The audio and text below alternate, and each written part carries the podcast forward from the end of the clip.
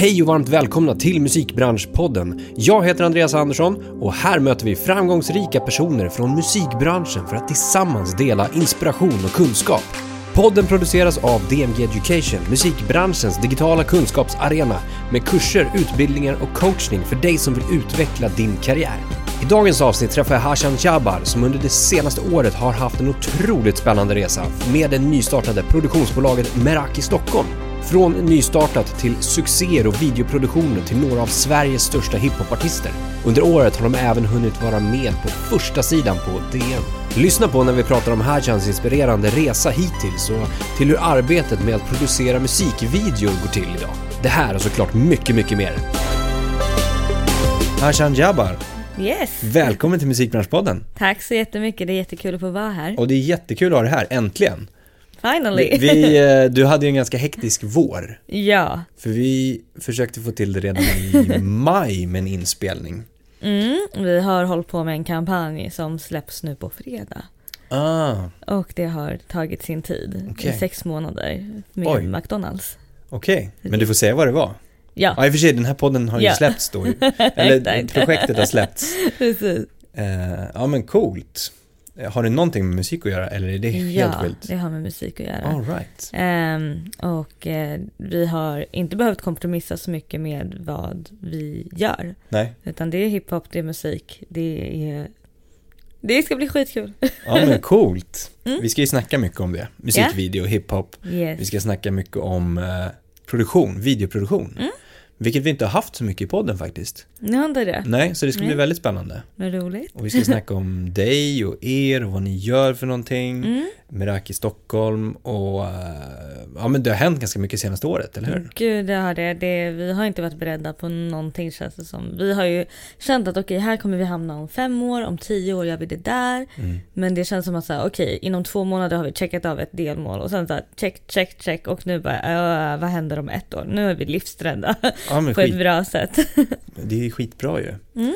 Men om vi börjar så här, eh, om du träffar en, någon helt random människa eller ska på en möte eller något sånt där Mm. som inte riktigt känner dig, hur, hur presenterar du dig då? Hur jag presenterar mig? Ja. Hur lång tid har jag på mig? ja men kort, på Eh, 20 sekunder, 30 sekunder. Eh, jo, jag heter Hajan. Jag blir 27 i år. Jag eh, jobbar idag med att producera musikvideos med, eh, framför allt. Så jag driver ett produktionsbolag där vi fokuserar framförallt på musikvideos men även reklam. Eh, och vi, eh, jag driver det tillsammans med min kollega Intisar. Ja, det är väl om man ska sammanfatta vem jag är idag, men vart jag Ja. kommer ifrån. Jag är uppvuxen i Göteborg, eh, har gått i dövskola hela mitt liv för att jag är hörselskadad. Eh, pluggade estetmusik i gymnasiet och trodde att man bara kunde bli musiklärare som mest. Mm. För att jag aldrig såg majors eller liknande bakom, symboler liksom. på gatorna liksom. Nej. Kom till Stockholm och eh, köpte en kamera för att jag var uttråkad och sen har det eskalerat sen dess. Mhm, coolt, ja men det var bra. Jag gillar eh, sammanfattningen. där. Vi kommer in på lite ja. olika delar av det här som du pratade om precis. Mm. Eh, men men eh, om vi börjar med Meraki då, Meraki Stockholm. Som är, ni har drivit det i ett år. Ja, vi fyllde ganska- nyss ett år, 3 augusti. Ja, asgrymt ju. Och om man tittar då lite research och kollar på LinkedIn till exempel. Mm. Så står det i beskrivningen då, production company with the culture in focus. Yes. Och vad vill ni förmedla med det? Eller vad, vad vill ni berätta mer? Det är lite intern grej för alla som kan hiphop. Mm. Eh, om man kollar på typ eh, Cardi B och dottern culture. Alltså det är inte dottern vi pratar om men det är bara en grej att the culture, you do for the culture. Alltså man pratar om Mm. hiphopkulturen, man pratar om ehm, orten. Mm. Så det är väl det vi vill ta fram och eh, Meraki eh, valdes av min kollega, namnet. Mm. Och det betyder, det är så här grekiskt säg för när man dukar ett bord där man ska eh, dra in the essence of yourself in your art and work. Mm. Eh, så det är det vi försöker göra i alla projekt vi blir tilldelade och till slut, eh, ibland kan man inte alltid göra det men att vi alltid har det mindsetet om det inte ehm, är ehm, ett mål i själva produkten eller videon vi ska göra, att man ska prata om orten. Ibland kan det vara en artist som inte alls är från orten som vill göra en video för, för att vi är bra på videos helt enkelt. Mm, mm. Eh, så eh, ser vi i alla fall då till att vårt team kommer från orten. Ja. Vi försöker med sådana saker, att dra in oss själva så mycket som det går. Ja. Ascoolt ju. Så det är Verkligen. det vi fokuserar på. Tack. Ja, och, och vi vi ska komma in i mer i detalj hur ni jobbar Mm. med liksom projekten och videos och hur det går till. Yes. Och, eh, vi pratade strax innan att det är många som undrar Mm. det. Vi har sett att det är många som söker på det till och med. Det är jättekul att höra för Liksom hur man gör musikvideos eller vad, vad ska man tänka på och så vidare. Och så vidare. dags för MTV att komma tillbaka tycker jag. Exakt, och det är ju det. Så här, hur pass, eh, alltså musikvideos har ju fått ett litet uppsving. Mm. Ehm, med liksom allt som har hänt med digitala plattformar och sådär. Yes. Men samtidigt så har det gått åt lite mer och mer kortformatshållet också Ja. när det är video. Alltså allt med TikTok och Instastory och sådär. teasers, 15 sekunder. Kan. Exakt, exakt. Sånt har jag blivit bokad på några gånger och ibland blir jag såhär, varför gör man inte en hel video bara? När man ändå håller på. ja, typ. Ja. Men eh, ja, så det är väldigt vanligt med teasers, att nöja sig med en teaser också. Men om vi börjar med Merak i Stockholm då. Vad, Mm. vad är, ehm, när ni startade för ett år sedan säger Mm. vi, strax innan ett år sedan då. Eh, Ja, vad precis. är liksom, vad var visionen då? Alltså visionen var väl ganska frågetecken egentligen. Vi visste ju eller kände på oss, okej det här kan vara det här, lalala, men vi har betett oss ganska naivt. Eh, och varit så här, vi kommer lyckas, vi kommer lyckas, det är klart vi kan lyckas, men det är också för att både jag och inte så här, har så mycket pride när vi sitter framför varandra. Det är så här, ingen ska vara svag. eh, så därför har vi pratat på det sättet och bara speak stuff into existence. Ehm, men visionen var väl Först när vi satte oss ner och gick igenom allting så var vi väldigt tydliga med stadgar. Det var väldigt viktigt för oss att kommunikationen var på topp. Mm. Eh, Vi är också väldigt, väldigt bra vänner. Så vi kände att eh, vi måste ha riktlinjer när vi Mm. kommer till jobb för, Mm. för att det inte ska störa vänskapen. Det är jättebra. Och det har stärkt oss jättemycket. Jag har aldrig pratat med någon så mycket som jag pratar med eh, Intisar och då menar jag liksom att vi har en kommunikation kring allt hela tiden, typ så här, eh, både känslomässigt men också eh, arbetsmässigt. Eh, för att eh, det hänger ihop. Mm. Även om man försöker skilja det så mycket som möjligt såklart. Mm. Eh, Men, men, men den, eh, var båda överens om det att ni ville ha den tydligheten i kommunikationen och Ja, stadgarna? för, för vi kom från liksom annat, vi har jobbat på andra ställen innan där det inte varit tydligare, eh, lika stark kommunikation som vi har haft i alla fall. Mm. Och det har varit ett störmoment och någonting som tyngt oss och eh, tyvärr förstört liksom, relationer och sådana saker också. Mm. Eh, men eh, det, här har ju stärkt oss jättemycket, bara tydligheten och eh, det är inte lätt, det är skitsvårt. Mm. eh, men vi, det är en process och man blir starkare för varje gång man pratar, för varje gång man är tydlig med varandra och förstår varandra helt enkelt. Eh, och sen så har ju visionen för Meraki varit att okej nu, eh, we wanna make money. så är det ju liksom. Mm. Eh, för det är väldigt vanligt att man make money i andra ställen på den här branschen, alltså produktionsbolag. Det finns många produktionsbolag i Sverige och det finns många som jobbar med typ reklam och det finns mycket pengar att hämta. Men när man kommer från områden vi kommer ifrån så är vi också uppvuxna med liksom en underliggande åsikt om kulturarbetare overall. Liksom, I mitt hemland så är det inte så eh, populärt att bli skådis eller eh, gitarrist eller liksom vara någon som jobbar musik, med musik. Vad, vad är det för någonting? Liksom? Mm. Så eh, vi försöker bryta den mentaliteten i oss själva också. Mm. Och det har hjälpt att vara naiv och vi har en slogan vi har verkligen följt och det är så här think like a white man. och det har funkat jättebra. Okej, men hur Mm. har ni, den är ju jävligt intressant. Mm. Hur har ni tänkt det? För vi har pratat lite grann Eller i podden vänta, sen som tidigare. inte säger think like a mediocre white man. Ah, okej. det var ja, viktigt ja. Och, Ja. Tänk som en sån men agera inte som en sån eller? ja men det är små saker. Istället för att skriva hej utropstecken på mejlen så skriver du hej kommatecken. Mm. Det är liksom de där små grejerna som gör så att man blir rakare med kunder, med eh, vem det än är liksom. Eh, och att verkligen vara noggrann. Mm. Eh, vi, vill, vi jobbar ju främst med hiphop, eller mycket med hiphop ska jag säga. Eh, och eh, alla har ju lite samma mentalitet från, alla kommer ju från samma område och det är väldigt så här, myndigheter är no-no, då betyder kontrakt är ett no-no. men vi är väldigt hårda med kontrakt också, där vi vill ha kontrakt på allting med alla och försöker få alla att förstå att det är för deras skull också. Mm. Det är liksom för att man ska veta vad man kan kräva av varandra och inte. Och, ja, så det är mycket vi försöker förändra hela tiden kring musikvideos också. Och eh, jag tycker ändå att nu när folk hör av sig till oss så vet de vad som förväntas. Mm. Eh, så det, det är mycket enklare idag än vad det var för ett år sedan. Exakt, det har ju liksom, det, Mm. det har ju ta, tar ju ett tag att bygga upp liksom Mm. Dels ett rykte och dels hur ni vill jobba och hur Precis. det går till att jobba med er framförallt Mm. också.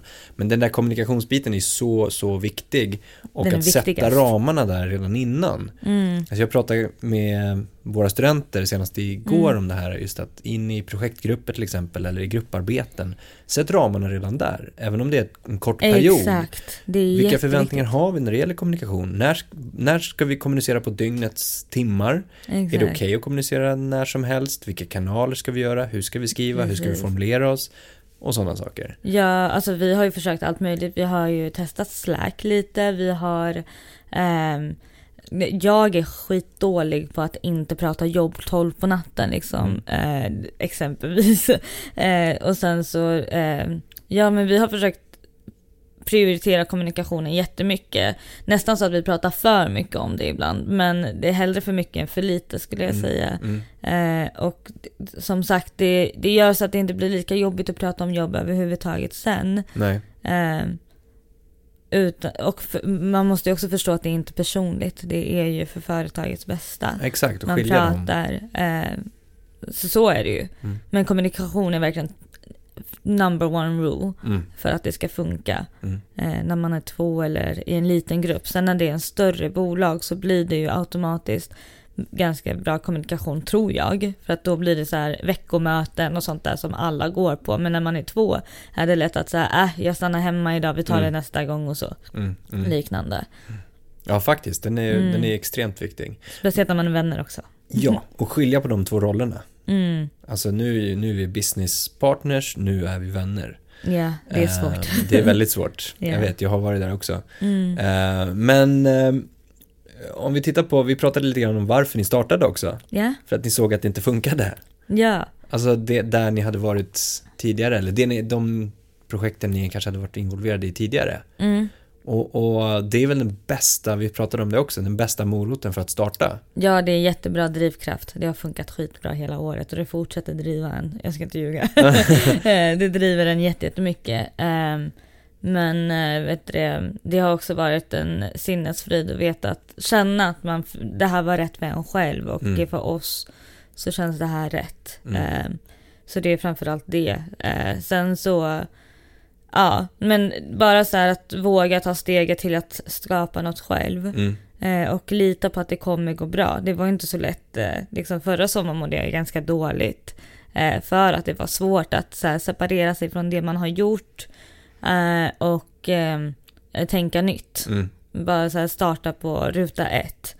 Men nu är vi långt ifrån ruta ett. Så det känns ju skönt att här, kunna stå på två ben på riktigt. Liksom. Mm. Och rent sådär praktiskt då, ni är ett produktionsbolag som du sa. Precis. Men vad gör du? Rent Vad praktiskt. Vad, vad, när du sitter och jobbar? Har Ja. du olika roller i bolaget eftersom ni är två stycken? Ja, vi, vi har flera roller. Ja. Eh, jag började ju som stillbildsfotograf som sen började filma också med samma kamera och liknande.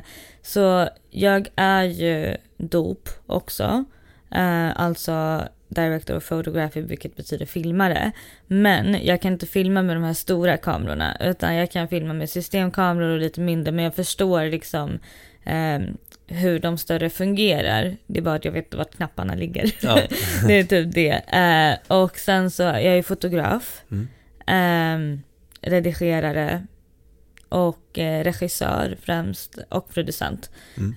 Eh, så det är väl de roller som jag har annan, anammat eh, som mest och som jag fortfarande gör. Eh, och sen så är det mycket projektledning och så också när man driver ett företag. Eh, Så det är det jag gör.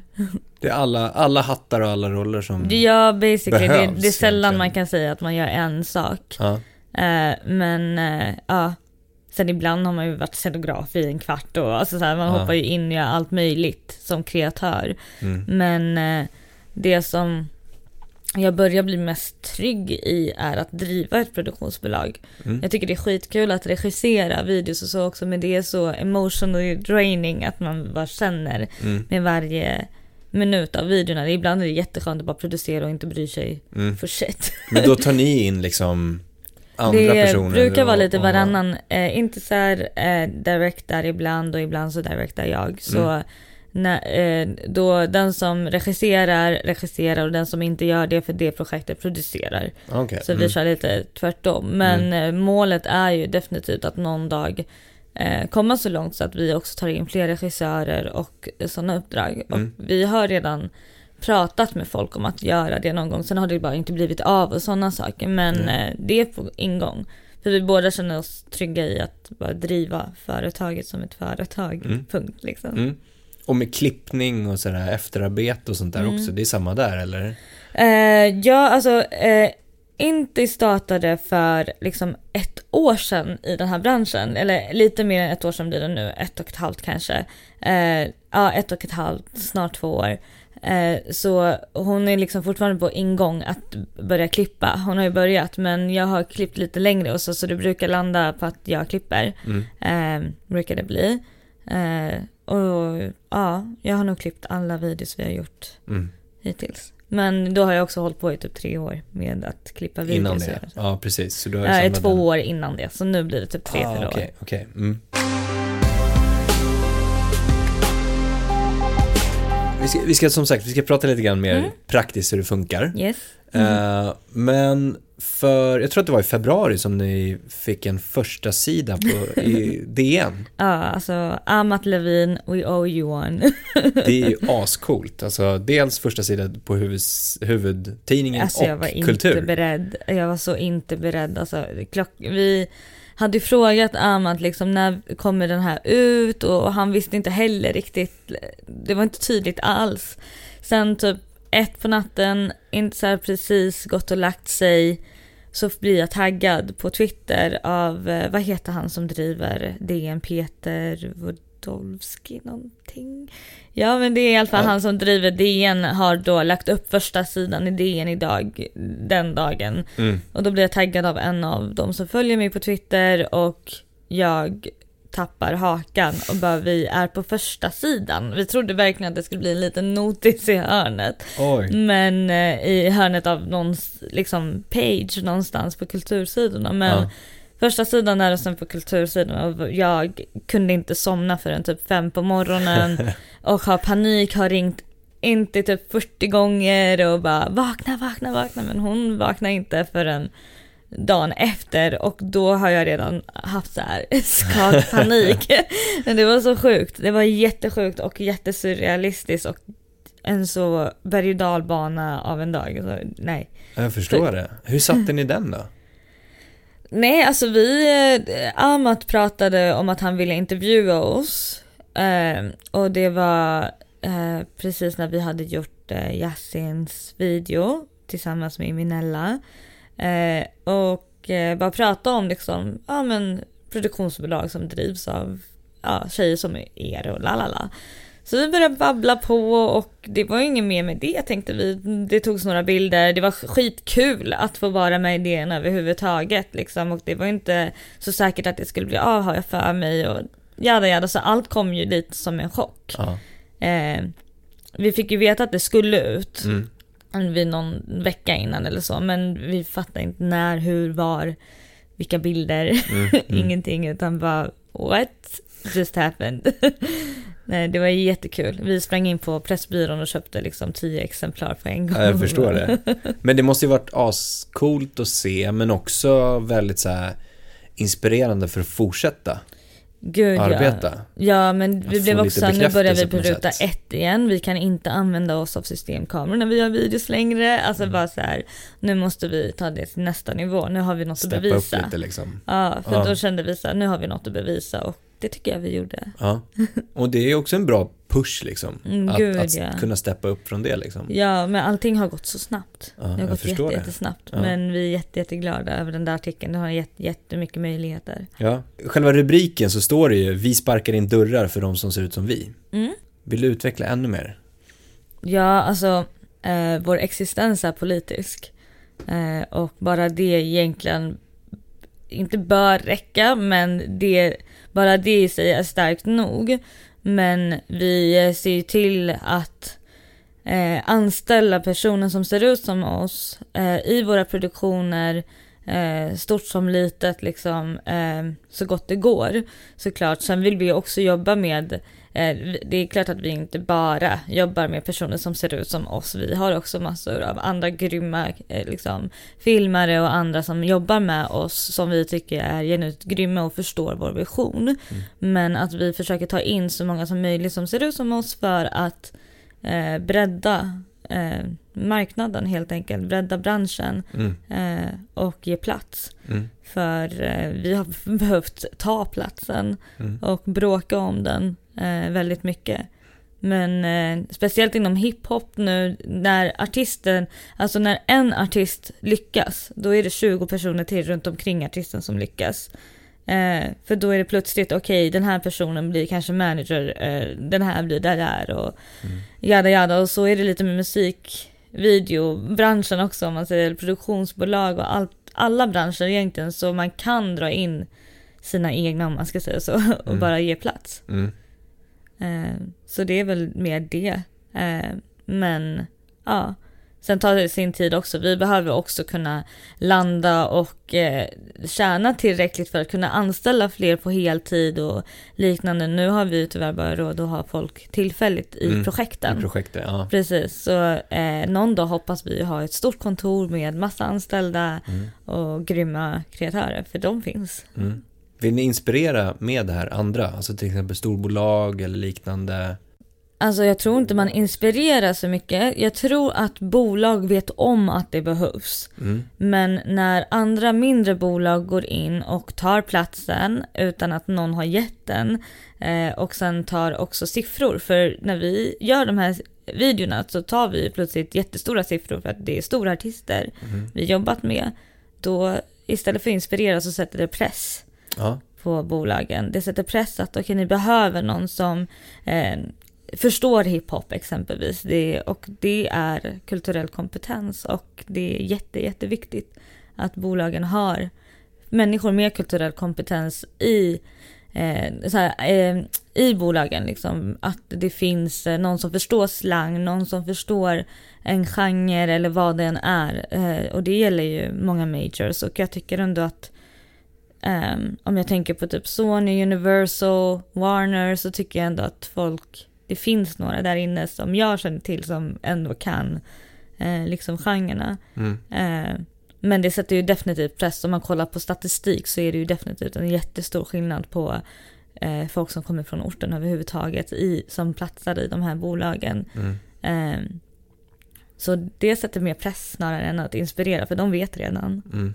För det är ju lite grann, vi har ju pratat om det flera gånger i podden också, fackbranschen var ju en, en, Mm. en konferens kan man säga för Jag var- lite drygt jag lyssnade på den också. sedan. Ja, ja för, för det var ju... Eller detta året, det var 2019 någonting- tror jag var första fackbranschen. Okej. Ja, jag, Eh, och sen jag så var ju på då uppföljningen nu digitalt i våras. Precis, ja jag Ja. kollade på den digitala. Ja, ja men precis. Och det är ju ett bra initiativ men, Mm. men det behövs ju lite mer kontinuitet i det också. På något Verkligen. sätt tror jag. Och där ser man ju att, som du säger, att, att majorbolagen vet om det och vill på något sätt men det finns liksom, Mm. ja, kanske inte det agerandet som behövs heller. Ja, och det som folk inte verkar förstå, vad jag har uppfattat det som, är att det betyder inte att andra blir av med sitt jobb för att man ger plats till en till, utan det betyder vi gör mer budget. Precis. Vi lägger till en, en till bord och stol. Ja. Det finns plats och det finns pengar. Exakt, jag kommer ihåg att det- Michelle Kadir, Ja. som var din chef på Sony, Ja. det pratade vi om innan, Mm. hon sa så också. Aha, när vi sa satt det? i podden. Okej. Vi pratade om det just att Det kanske är eh, henne jag har där i huvudet har någonstans. blivit- och det precis. sitter i en. Ja men just att det handlar inte om att ta någons plats utan det handlar om att ställa dit en extra stol vid bordet. Precis, det finns liksom, det, det, det är ingen som blir av med jobbet för Nej. att man gör så. Nej, precis. Mm. Ja men helt rätt. Och apropå det då, då, då, då kommer vi faktiskt lite in, kul. bra övergång till vad du har gjort tidigare. Ja, Du har ju erfarenhet från andra roller, andra bolag Mm. i branschen. Vi pratar om det Sony till exempel. Mm. Eh, Riksteatern har du varit projektledare på. ja, Gärigheter. ja. Eh, För att nämna några. Jag tror Ja. att det är lite fler också. Liksom, ja, alltså det, det är klart att det finns här ströjobb här och där som frilansare också. Men Ja. eh, Gärigheter var ju liksom mitt lilla push. Ja, Eh, och Jasmin eh, Rastegar har verkligen varit en som eh, har liksom uppfostrat den, skulle jag nästan säga, men liksom verkligen guidat den lite i den här världen. Och då var det när jag var helt ny som fotograf, jag kunde ingenting, jag kunde inte klippa, hon fick sitta med mig och klippa en minuts videos för Facebook i typ sju timmar och verkligen försökte lära mig att jag ska lära mig själv för att Mm. hon klipper ju inte heller. mm, Eh, så det var kul med gärigheter. Sen så har jag varit på Riksteatern som projektledare. Eh, jag är hörselskadad och uppvuxen i dövvärlden. Och 2015 under flyktingkrisen så eh, började organisera ihop Deaf Refugees Welcome tillsammans med några andra volontärer. Och eh, vi tog emot typ 250 döva flyktingar. Eh, och eh, min Riksteatern-roll eh, kommer från det där. För jag fick eh, jobb som projektledare för att eh, för ett projekt där man skulle, eh, hur ska man förklara det? Bju, inte bjuda in men eh, lära ut det svenska språket genom teater Mm. för döva flyktingar, eller Mm. döva människor på flykt. Eh, eller nyanlända. Så, och efter det så eh, jobbar jag också på Sony Music. Och det var också en stark erfarenhet. Eh, jobbade mycket med eh, den dåvarande plattformen, jag vet inte om den finns kvar, med plus 46. Jobbade jag med och då fick jag filma och klippa. Det mesta där också. Men jag lärde mig jättemycket om liksom bara hur bolag fungerar, alla olika roller. Och, mm.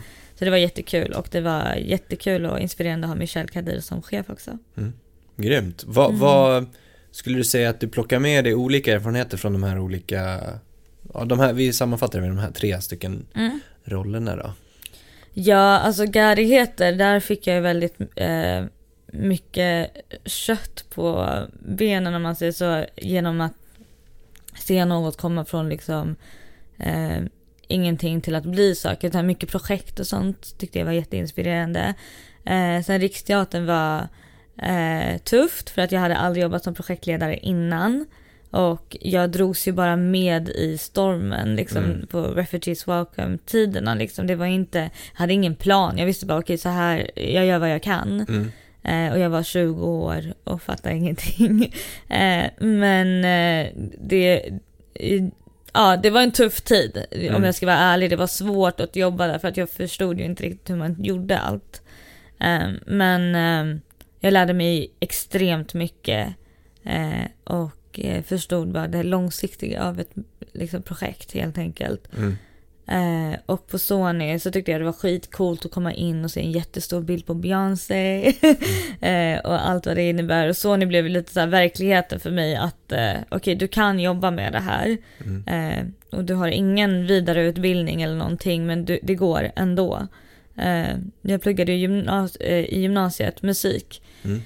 Så det var kul att få liksom bara checka av det, att det inte ser dum ut och bara det blev inget med musiken men det blev det. Mm. Så här, ja, och nu driver jag produktionsbolag som eh, är inriktat på musikvideos Mm. och musik overall. Det är ju supercoolt ju, just det här med att du har samlat erfarenhet från olika, olika delar Mm. som inte är lika självklara. En del ser att det ska vara en självklar väg, att jag måste klättra från det bolaget till det eller från den rollen till den rollen och den Mm. rollen istället för att samla en bredare erfarenhet också. Ja, det, Vilket faktiskt kan vara bättre ibland. ja, alltså det är ju säkrare att verkligen börja på ett bolag och sen så här jobba sig upp, absolut. Men det, som ehm, många andra säkert tycker när man ser ut som jag gör är att det, det är inte så självklart att man får eh, roller senare. Att man jobbat upp sig, det kanske du får efter 15 år. Jag har jobbat inom tv-världen också, typ på eh, UR och SVT lite korta perioder. Eh, där känner jag till folk som har jobbat i 20 år som projektanställda efter projekt efter projekt som aldrig blir fastanställda. Mm. Eh, det, så jag vet inte om det stämmer, men så kan det ju också vara i andra bolag, tänker jag.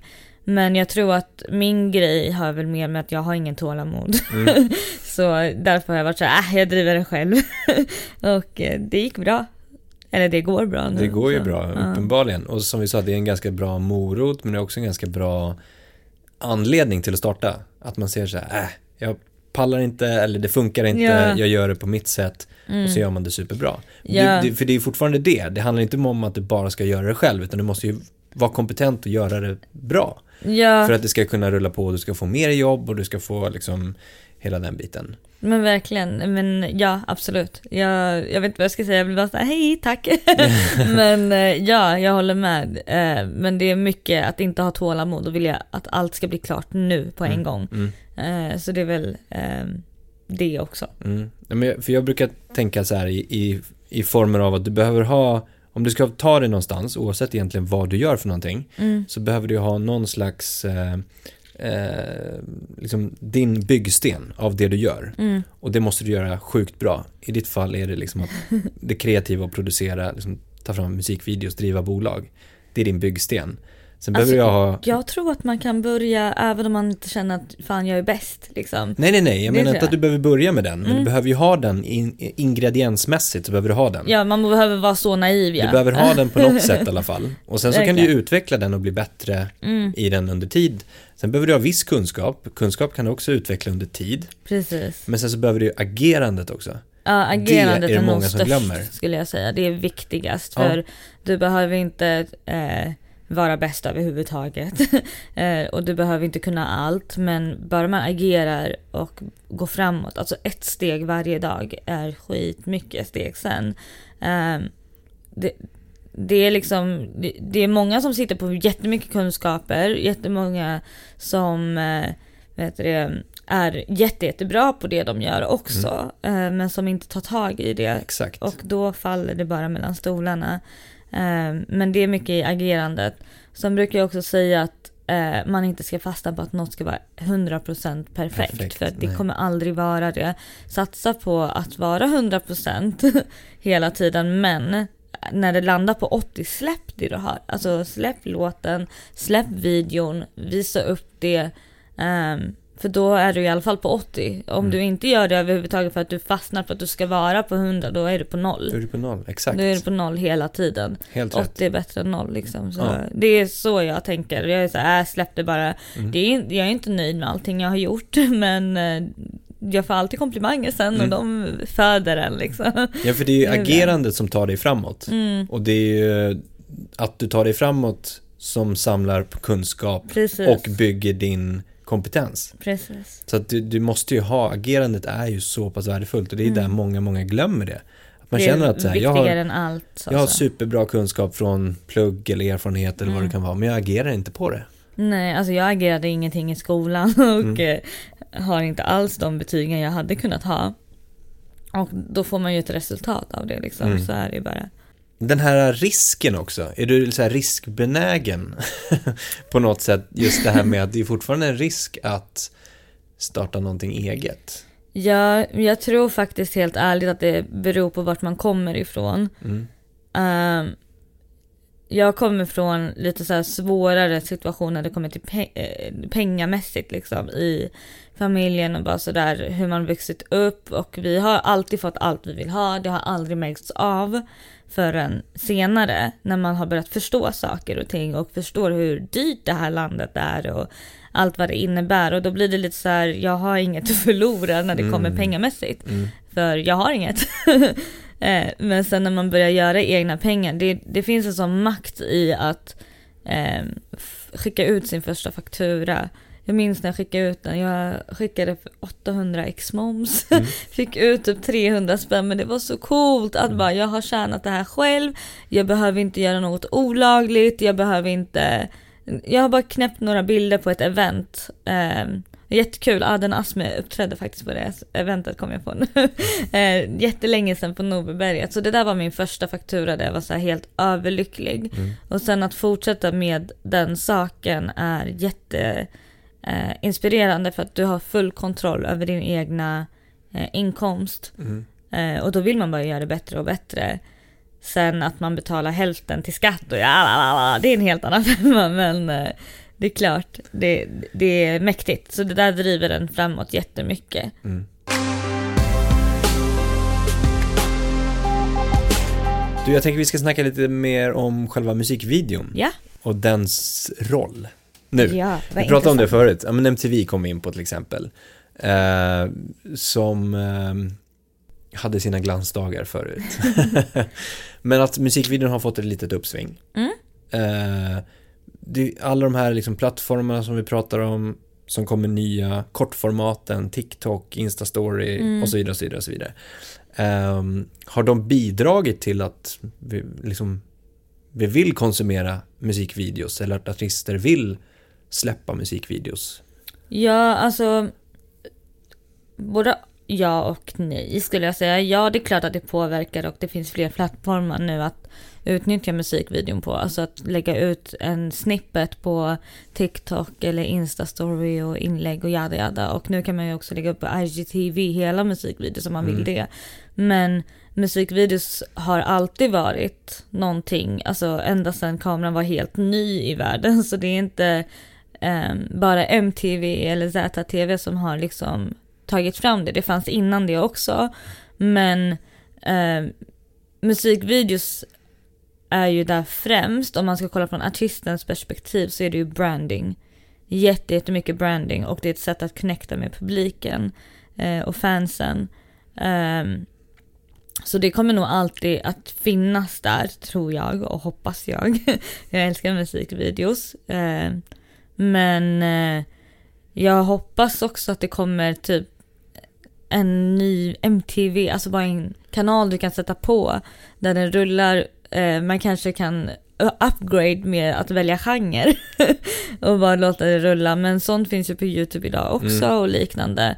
Men bara så att det blir lite mer normaliserat som det var då. Att mm. bara sätta på kanalen och låta musiken rulla. Mm.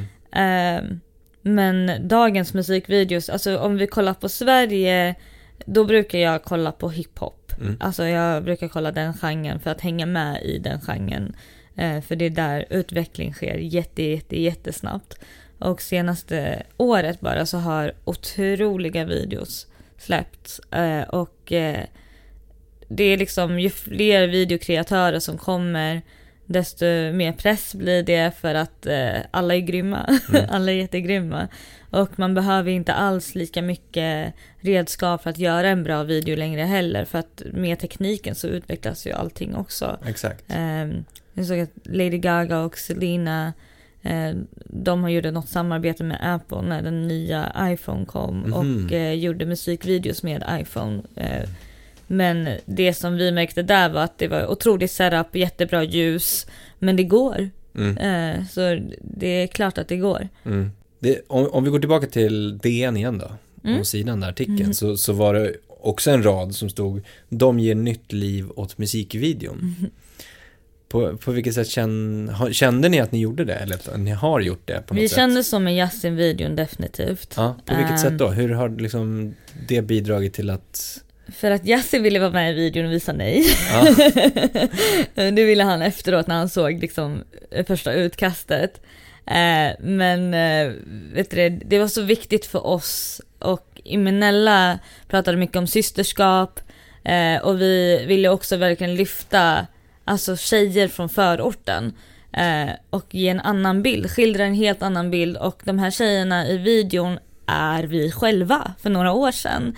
Det, vi hängde lugnt på eh, alltså gården, vi spelade basket, vi eh, åt eh, pipas eller nötter som vi kallar det i Göteborg.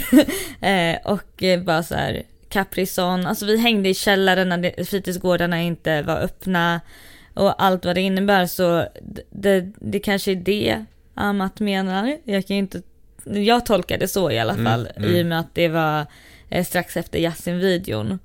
Eh, så känner vi, eh, men det var jättekul för vi hade ganska lite marginaler när det kommer till alltså utrustning. Mhm. Vi sprang runt med systemkamera och filmade allt på liksom något dygn. Mm.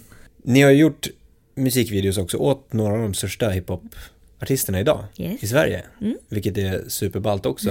eh, och, och jag läste i en annan artikel att ni som bolag då, Mm. Meraki Stockholm, tar ett aktivt steg bort från de här klichéerna som har funnits i gangsterrappen inom citationstecken då. Mm.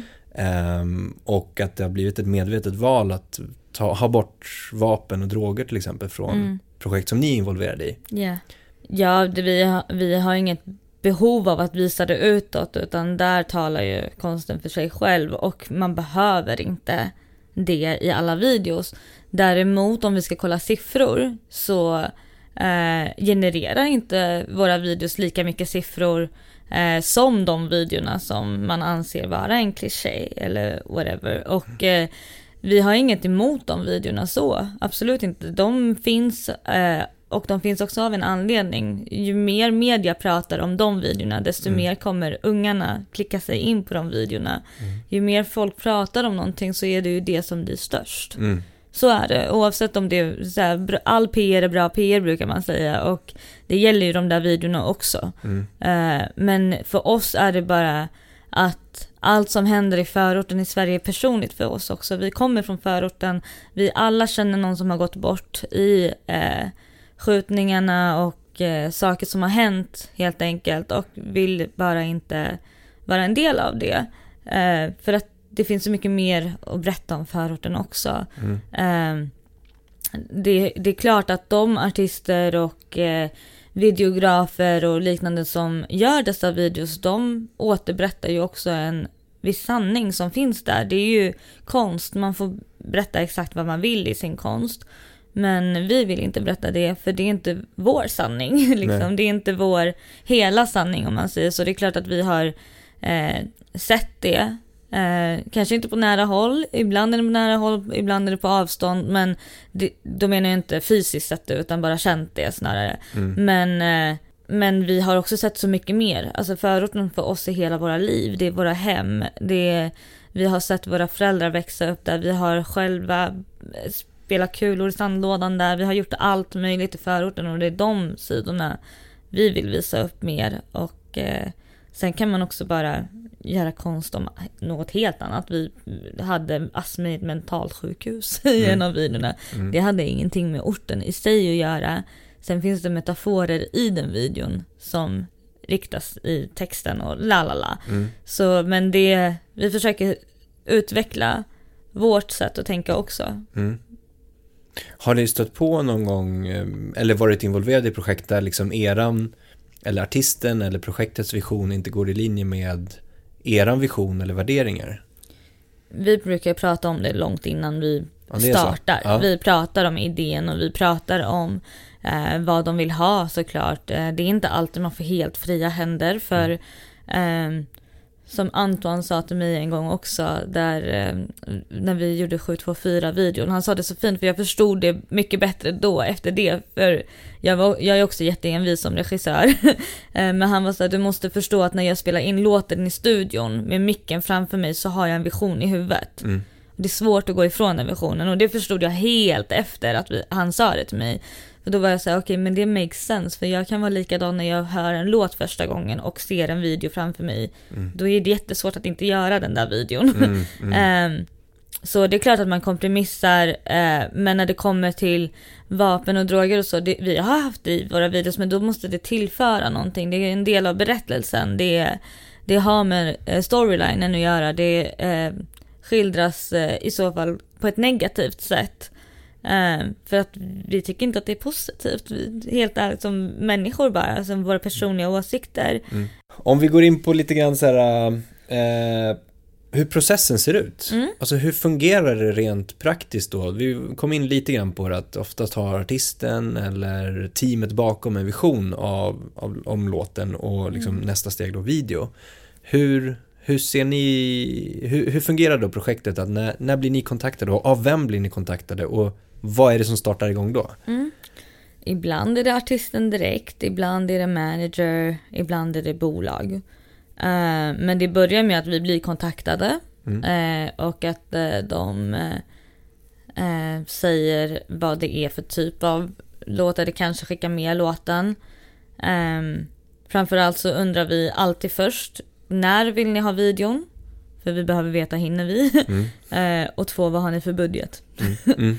Så det är väl våra första frågor, Mm. alltid.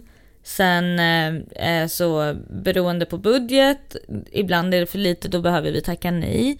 Eh, och ibland så är det, ja, ibland så funkar det, då går vi vidare i processen och då eh, frågar vi också vad de har för visioner, vad de har tänkt sig, om de har någon vision eller de, om de vill eh, eh, att vi ska regissera fullt ut. Liksom. Ibland så har de någon viss önskemål om vad det Mm. ska handla om eller jada jada.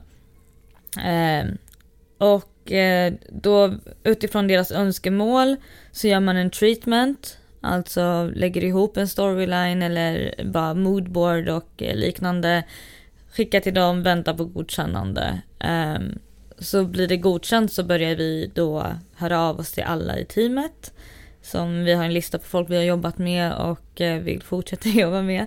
Eh, så ehm, ja, hör av oss till dem, bokar in och bokar locations. Gör hela köret helt enkelt. Mm. Ehm, och sen är det dags för inspelning och sen är det postproduktion. Mm. Eh, men i själva processen, det, ibland så har, vi, vi försöker alltid bjuda in artisten i att prata liksom såklart för att det är liksom deras branding, det är deras, det, det är deras namn som syns utåt. Även om inom vår värld så är det okej det här är min video, det här är din video, det här Mm, är den mm. där personens video. Då börjar man tänka på regissören främst. Men ehm, Eh, beroende på, ibland får vi helt fria händer, ibland eh, finns det en riktlinje eller en story de vill att vi ska utveckla, Mm. om man säger så. Eh, men eh, för det mesta, vi har haft en grej på eh, Meraki där vi typ skickar hela videos direkt. Eh, inte gradade och klara liksom, men att klippningen är så som vi vill att den ska klippas. Alltså Mm. det är inte ett halvt utkast eller något sånt där, för det tycker vi tar ännu längre tid.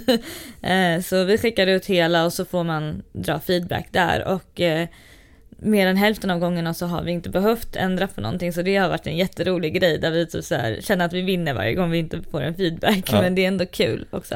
Men du har ju, Att- du har ju redan, då, återigen, kommunikationen stämt överens med liksom hur artisten eller teamet förmedlar Mm. till er. Ja. Om ni har förstått det, då har ju det liksom matchat på något sätt. Vi pratar jätte, jättemycket kring idén Ja. och liksom eh, försöker prata väldigt tydligt om hur det ska klippas. Eh, för ibland så behöver vi filma någon scen på helt fel ställe. Liksom, för man tänker att okej, scen 1 filmas dag 1 den här tiden, men scen Mm. 1 kan vara gjord på, eh, utspela sig på natten. Mm. Då börjar du kanske med scen 9 istället och Mm. gör scen 1 12 dagen efter. Alltså det är så här, så schemat är ju inte alls som videon utspelar sig Nej. i eh, oftast. Och då behöver man liksom vara övertydlig Mm. för att alla ska förstå. Eh, men som sagt det är också någonting vi har lärt oss senare. Det har vi blivit jättebra på nu. Det var inte lätt i början. Eh, men det har vi förstått. Med kontrakt så kan vi också skriva okej så här många trailers vill ni ha av oss sen. Eh, ni vill ha eh, så här många vad vet jag, så här Insta-story-versioner för eh, trailers, så här många da, da, da. Så är allt väldigt tydligt. Mm. Eh, och eh, det har ju uppskattats jättemycket också nu senare tid. I början var det bara frågetecken från alla håll. Eh, från både våra och kundens. Men Mm. nu känns det som att ja, folk har fattat hur vi jobbar och det är jätteskönt. Det är jättebra ju. Mm. Men det här med kommunikationen, eller rättare sagt involveringen, har ni kontakten också ibland med, beroende på projekt till projekt kan jag tänka mig, att så Mm. ibland är det mer managern, ibland är det mer artisten, ibland är det mer skivbolaget kanske. Mm. Finns det någon liksom generell dragning där, vilken ni kommunicerar med mest?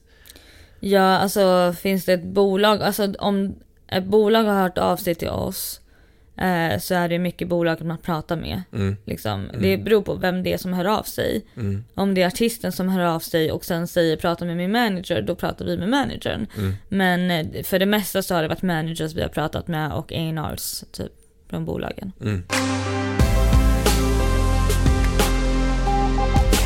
I och med den som vi var inne på förut, tekniska utvecklingen. eh, så, så går det ju att göra ganska mycket själv. Mm. Ehm, och artister som kanske vill göra musikvideos. Vi, tänk, vi, vi tänker ett steg liksom lite, lite tidigare artister Mm. som vill producera själva. Mm. De vill vara med i hela kreativa processen och kanske Mm. göra någonting eller ta med kompisar. Ehm, går det att göra? Ja, och hur ja, ja. bör man i så fall tänka?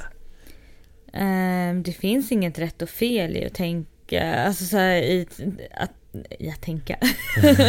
Eh, det finns inget rätt och fel sätt att göra en musikvideo på men eh, ehm, Alltså mobilerna är ett bra redskap till att börja med.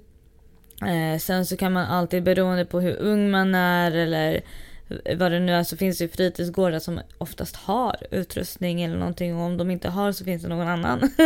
eh, där man får låna och sådana saker men det är en process, alltså precis som att det är en process att lära sig producera en låt så är det att redigera en låt. Det är lite samma typer av program om man säger så, eh, där man ska klippa och hålla på. Ehm, men det finns ingen rätt eller fel, man kan filma i 4K i iPhone idag. Eh, det som jag hade tipsat om, om man inte har tillgång till en systemkamera eller liknande, då hade jag tipsat om att satsa på ljus istället för Mm. kamera. Alltså att ha bra lampor.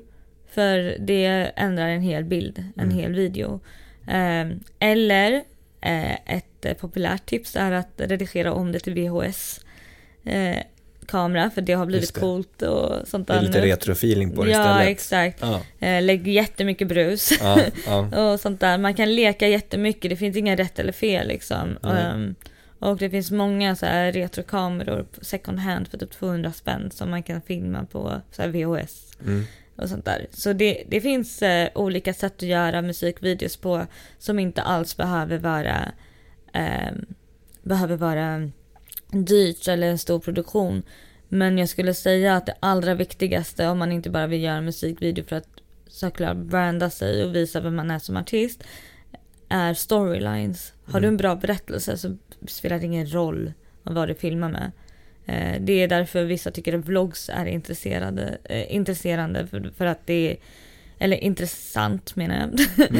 Eh, för att det är, eh, det är intressant att följa någons vardag. Mm. Och de filmade ibland med mobilen eller liknande. Så ja, berättelsen är nog viktigare än mm, liksom materialet Mm. du filmar med, eller utrustningen du filmar med.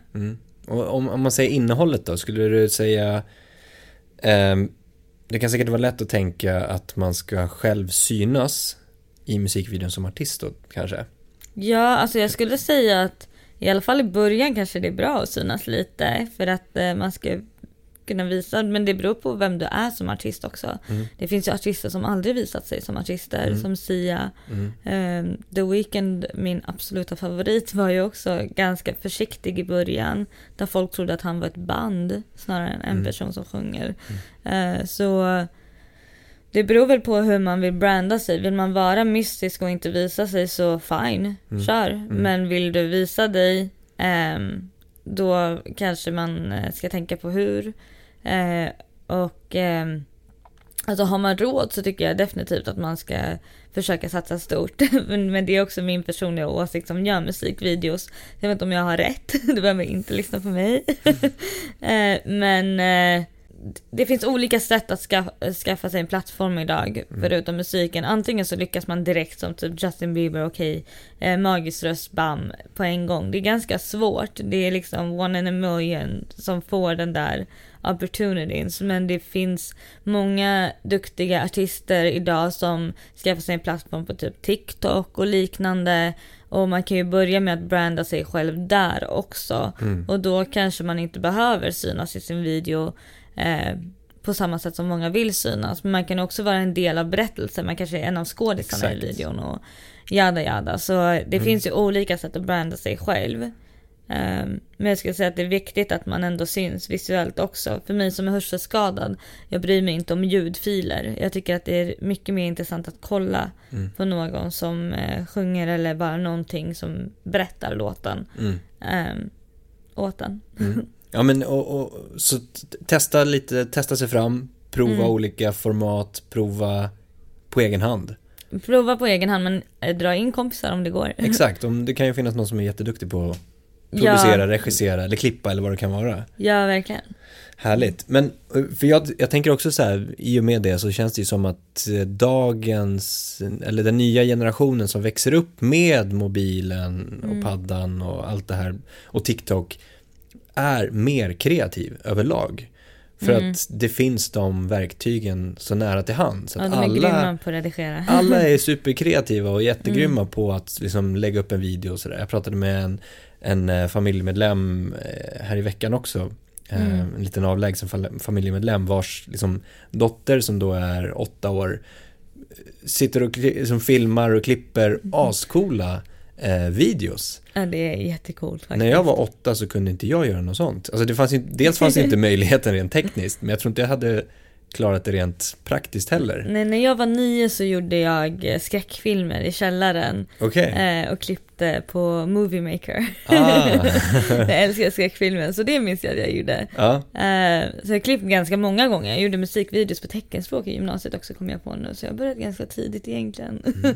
Mm. Men det har alltid varit kul med allt estetiskt. Mm. Men vet du det, ja dagens ungdomar är ju en annan nivå. Men det är också, de, är man född med tekniken i handen Mm. så blir det mycket enklare att redigera. Mm. Men jag skulle inte säga att det är exakt är samma sak att redigera på alltså Premiere Pro eller Final Cut Pro. Nej. Men det underlättar säkert jättemycket när man har fått redigera mycket på apparna och sådana saker. Att bara så här ha lite samma ehm, inställning i de större programmen. Det Mm. är enklare övergången att gå från noll till, inget, liksom till 100 än att gå från 20 till 100. Precis. Så, ja, jag tror verkligen att det underlättar för den här branschen och den digitala världen kommer ju bli mer och mer digital hela tiden. Exakt. Eh, så det kommer alltid vara ett sätt att branda sig.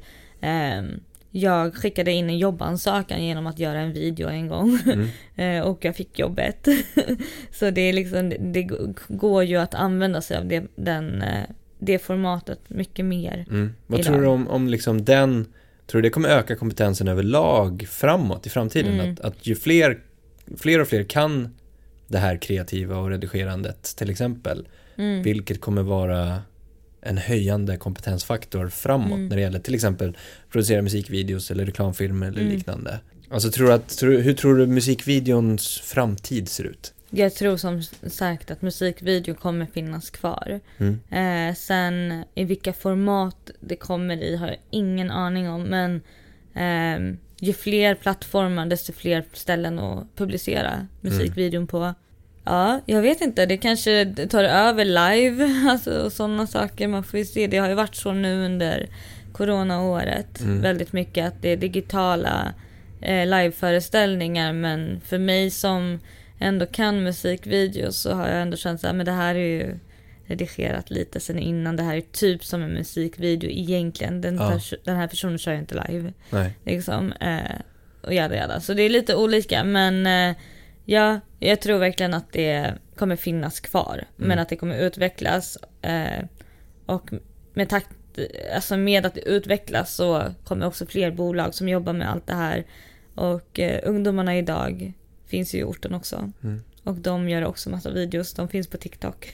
de finns överallt. Så de personerna hoppas jag kommer få sätta sig och jobba med det här senare, 20 år senare liksom. Kunna jobba i de här bolagen. Det är grymt. Och för din egen del då? Du har ju gjort ganska mycket samtidigt som vi pratar om att du är relativt ung. Mm. Eh, om du tänker framåt då? Vad skulle du vilja göra Jag framåt? skulle vilja bli inredningsarkitekt. På riktigt? ja. Okej. Eh, jag tycker det är skitkul med inredning. Mm. Men eh, jag hoppas ju att det ska gå så bra i Meraki så att man har, alltså driver det stort liksom. Går det så bra så kommer jag såklart fortsätta med det. Men jag vet inte om jag orkar göra musikvideos när jag är 65. Eh, det är jätte, det är en process och den är väldigt stressig, den är rolig. Eh, och eh, den är väldigt nära popkulturen som jag älskar. Men ehm, Men eh, vill man landa i livet så tror jag inredning är rätt. Okej, ja. ja men coolt. Ja, så inredning, man kan göra massor av grejer, man lever en gång. Så jag vill plugga det senare, om kanske tio år. Ja, ja. Men eh, apropå det då, som du sa där med eh, projekten, att det kan vara ganska liksom draining på något sätt Mm. att gå in i. Hur, hur långa projekt kan ni jobba med och hur korta? Vad är det, vad är det snabbaste liksom, musikvideon ni har gjort? Snabbaste? Och den längsta? Oh, inom Meraki? Mm. Är nog shooting range med Asme. Då processen gick jättesnabbt, vi alla var jätteglada, vi var skit, eh, det, det var, alla var på piggt humör, Asme ville köra på och eh, vi höll på från åtta på morgonen till fem på morgonen en gång och de var inte trötta, eh, vet du det, inte och Asme och de var nu kör vi och till slut jag var så här, okej men vi ska ses för dag två av inspelning om sex timmar, vi måste hem. Så det var jättekul och vi var så exalterade för att vi älskade all material. Ehm, så när vi kom hem vid 11 tiden när vi var klara med inspelningen dag två så satte vi oss ner hemma hos Intisar och satte på datorn för att överföra allting och började redigera på en gång. och vi var klara tre på natten eh, med redigeringen. Skickade ut den till managern och eh, eh, vet det, Joel som är manager och Asme. De älskade den och bara så här, är det här utkastet? Vi bara, så det här är klippningen. Om ni gillar den så gillar ni den och de älskade det. Ja. Eh, så det var inget mer med det och så väntade vi bara på att den skulle gradas. Men det gick jättesnabbt, det var liksom tre dygn och vi var klara. Eh, för att vi var så exalterade. Det är ju hur grymt som helst. Så det var jätteroligt att göra den videon. Ehm, Och den längsta då? Den längsta är nog den vi har gjort nu med McDonalds. Ja, såklart. ja, eh, Sex månader. sex månaders arbete. Men det är allt från pitchen eh, till liksom hela processen att ehm, också liksom eh, ja mycket kulturell kompetens har vi fått bidra med extremt mycket liksom bara så här fungerar det med hiphop, det här är det här och jada jada. Eh, men det har varit jätte jättekul och jättelärorikt och eh, det är ett jättestort projekt för oss på Meraki Stockholm och jag hoppas bara att det blåser av efter det här. ja. Eh, med reklamer och så. Men det har varit jätteroligt. Vi har jobbat med artisterna B-Baby och eh, för det här projektet och vi, alltså alla är superpeppade. Coolt. Men jag kan tänka mig att det är en sån lång process när det är ett sånt stort bolag också. Ja, alltså kopplat verkligen. till en, liksom det, det, det snabba projektet där det är Precis, lättare där det är att ta snabba beslut en också. vecka Ja. beslut och här är det sex månader där minsta lilla ska granskas och eh, gås igenom och mm, mm. Såklart, för att det är så många steg. Det är reklambyrå, det är eh, stora kunder McDonalds, Mm. det är jada jada. Och sen så är det också vi som är mellanhanden mellan artisterna och dem och Mm. allt vad det innebär. Men det har varit jätteroligt. Ja men grymt. Hajan, superkul att ha dig här. Tack så jättemycket, det är jättekul att få vara här. Tack så jättemycket för att du har lyssnat på podden. Vi uppskattar det verkligen väldigt, väldigt mycket. Hör jättegärna av er till oss med era utmaningar. Vad står ni inför? Vad behöver ni hjälp med? Vi vill hjälpa er. Vi vill ta del av eran resa. Hör av er till oss info at dmgeducation.se. Ha en fortsatt härlig dag.